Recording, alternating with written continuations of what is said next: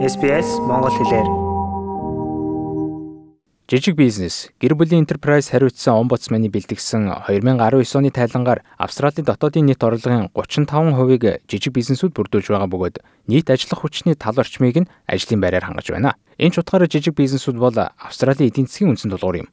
Гэвч коронавирусын халдвар дотоодод дэгдэж эхэлсэн нь жижиг бизнесүүдийг өвдөгсрүүлж эхлээд байна.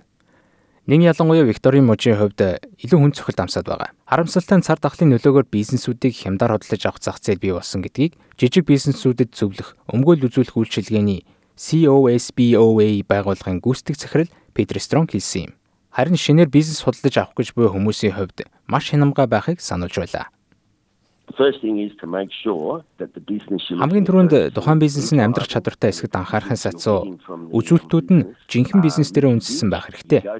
Тэгээд нэгтлэн дээрээ очиод тэдгээр санхүүгийн үзүүлэлтүүд нь үнэхээр таарч байгаа эсгийг шалгуулах хэрэгтэй.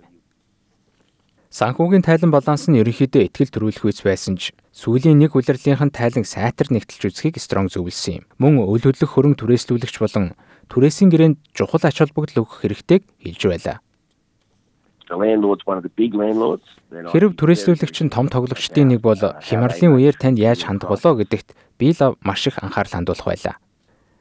Бизнес судалгааны Allbiz платформын үйлчлүүлэгчдийн 3-1-ийг бүрдүүлдэг ахмад насны шилжин суршигчд нь энгийн үетэй харьцуулахад илүү олноороо шинээр бизнес судалдаа хүсэлт эрүүлэх болсныг тус компани үүсгэн байгуулагч бизнес брокер Matthew Holland хэлсэн юм. Олон тооны худалдаа авагчид маань уламжлалт ажлын байрнаас илүүтэй шууд бизнесийн салбарт хүчүүлсэх сонирхолтой шилжин суршигчд байна. 6-аас 8 сарын өмнө байсан бол хүнсний бизнес, хоолны франчайз, эсвэл 3-аас 5 жилийн хугацаагаар Вестфилдэд лангуу түрээсэж байгаа цаашлах зэрэг алхмууд хийдэг байв. Гэвч одоо бол үүнээс өөр байна. Тэд нэр үүнээс өөр зүйл хайж байгаа. Одоогоор сонирхлоо илэрхийлсэн маш олон хүн байгаагаас өөр хэмжигдэхүйс хэлэлцээ хийгдэг байна. Жижиг бизнесийг хөгжүүлэх корпорац нь баруун Австралийн хувийн секторын эдийн засгийн 25 орчим хувийг бүрдүүлдэг жижиг бизнесүүдийн ач холбогдлыг ойлгуулах зорилготой.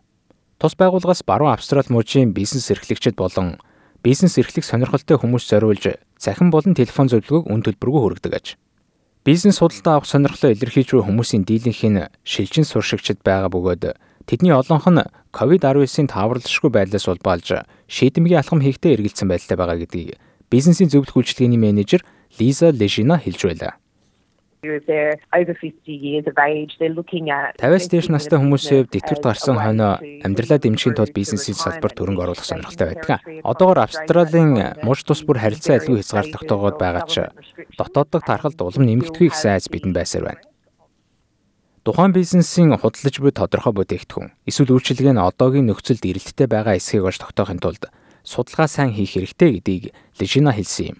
Мөн тэрээр цар тахлын үеэр бизнесүүдийг дампууралд хөдөлжвэ. Нэг гол дутагдал нь хөл хорионы улмаас хэдэн 7 хоногийн турш хаалттай байхдаа захин орчинд худалдаагаа үргэлжлүүлэх явдал гин whether they've got the ability to also sell or deliver services. Захимаар үйлчлэгээ хүргэж эсвэл бүтээгдэхүүнээ худалдах чадамж байгаа эсэх. Бит байршлаасаа гадна нийгмийн сүлжээ зэрэг зарим платформудаар дамжуулж бүтээгдэхүүнээ борлуулах зэрэгээр өөр орчинд ч гэсэн үйлчлүүлэгчдийн хүрээг тэлэх боломж байгаа эсэх чухлаа.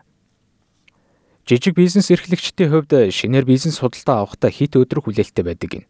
Харин өнөөгийн нөхцөлд бол сэтгэл хөдлөлийг бод дүгнэлтээс илүү тавихгүй байх хэрэгтэй гэдгийг Strong хэлж байлаа. Ирээдүйд юу болж болохыг хар. Энэ дэлгүүр дахин үйлчлүүлэгч авчирч чадах уу? Мельбурнээс өөр газар байгаа тохиолдолд дахин хөл хорой тогтоовол яах вэ? 2 сарын хугацаатай хөл хоройны үеэр үйлчлүүлэгчгүй байвал энэ бизнес тисгүй зэрэг асуултуудад анхаарах хэрэгтэй. Эдгээрийн дараа л шийдвэрүүдээ гаргах хэрэгтэй. Сэтгэл нь хөдөлсөн худалдаа авагчдын гаргадаг алдааны нэг нь мөн энэ болохыг ч Лежина баттгсан юм. Шинэ бизнес судалдаа авчгаад удалгүй хаалга барихгүй тулд зарим зүйлсийг харгалзан үзэх нь маш хэрэгтэй. Ингээл та ямар ч орлогогүй болж нөгөө талд бизнесээ худалдаа авахд ашигласан зээлүүд чинь нэгцээр байх боломжтой. Тиймээс ямар орчин бизнес худалдаа авч байгаагаа сайн бодох хэрэгтэй.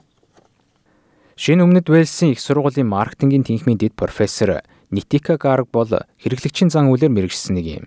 Хүмүүс гэрээсээ ажиллах зураа хүүхдээ харж хичээлээ хийх нь хүмүүсийг улам туйлдуулж байгаа. Тиймээс цар тахлын үеэр юуг олж харахаа мэддэг энтерпренеруудын хувьд маш их боломж нээлттэй гэдгийг доктор Гарг хэллээ. Үйлчилгээ худалдаа гэдгээс үл хамаарч хүмүүсийг гэрт нь идэвхтэй байлгах чиглэсэн гэртээ хоол, бясалгал хийх, йог хийх зэрэг хөтөлбөрүүдгээд шин төрлийн боломжууд гарч ирж байна. Цар тахлын их үед хүмүүс мэрэгжлийн тоогооч мэтэл чамин хачин хоол эзгэж байлаа. Гэвч одоо бол бэлтгэхэд илүү хялбар хоолнууд эсвэл урьдчилан бэлтгэсэн хоолны өргөлтүүд ирэлттэй байж болно. Тиймээс энэ талаар бодох хэрэгтэй. Коронавирусын цар тахлын үеэр худалдаа авах боломжтой бизнесүүдийн хувьд бүгд амжилт төрж амьдрч чадахгүйгээс хойш худалдаа авагчид өөрт байгаа давуу чадвар, хэдийн хэмжээний мөнгө төлж буй болон байршлан хэрэглэгч татхуй зэсэх зэрэгэ дахин бодохыг уриалсан юм. Хүмүүс насаараа хураасан хөрөнгөөрөө сэтгэл хөдлөн бизнес судалж аваад дампуурахыг би харж л байсан. Сайхан сэтгэл төрүүлсэн сайн кофетэй кафега ажилуулах нь мэдээж хэрэг сайхан санагдах байх. Иймч бодлосоо болж ихээхэн хэмжээний хөрөнгө оруулалт хийсэн хүмүүс байдаг. Гэтэл үүний цаана ажилтнуудын чадвар, маш их цаг хугацаа үүрэг хариуцлага гээд маш олон зүйлсийн оролцоотой байдаг болохыг эцэст нь ойлгодог. Энэ бол үйлчлүүлэгч байхаас тис өөр зүйл. Мөн тэрээр шинээр бизнес эрхлэгчдэд хандаж COVID-19 цар тахлаас цааш алсын хараатай байхыг зөвлөж байна. Хэсэг хүлээзэн. Хэдийгээр энэ нь гой боломж, зөв тохироо байж болох ч бизнес төлөвлөгөөч нь богино болон урт хугацаанд хэрэгжихүйс байгаад анхаарах хэрэгтэй. Учир нь өнөөгийн нөхцөл байдал ямар нэгэн зүйлийг эхлэж байгаа ч цар тахлаас хойшиж дампуурлгүй ажиллаж чадна гэдэгт анхаарах хэрэгтэй. Хэрв та хэрхэн бизнесээ эхлэх талаар мэдээлэл авахыг хүсэж байгаа бол 13 тэг тэг 65 тэг 46 тэг гэсэн дугаараар жижиг бизнес гэр бүлийн enterprise хариуцсан омбудсмантай холбогдох боломжтой. Apple Podcast дээр манай нэвтрүүлэгт үнэлгээ өгнө үү? Энэ манай нэвтрүүлгийг хайж олоход бусдад бас туслах юм.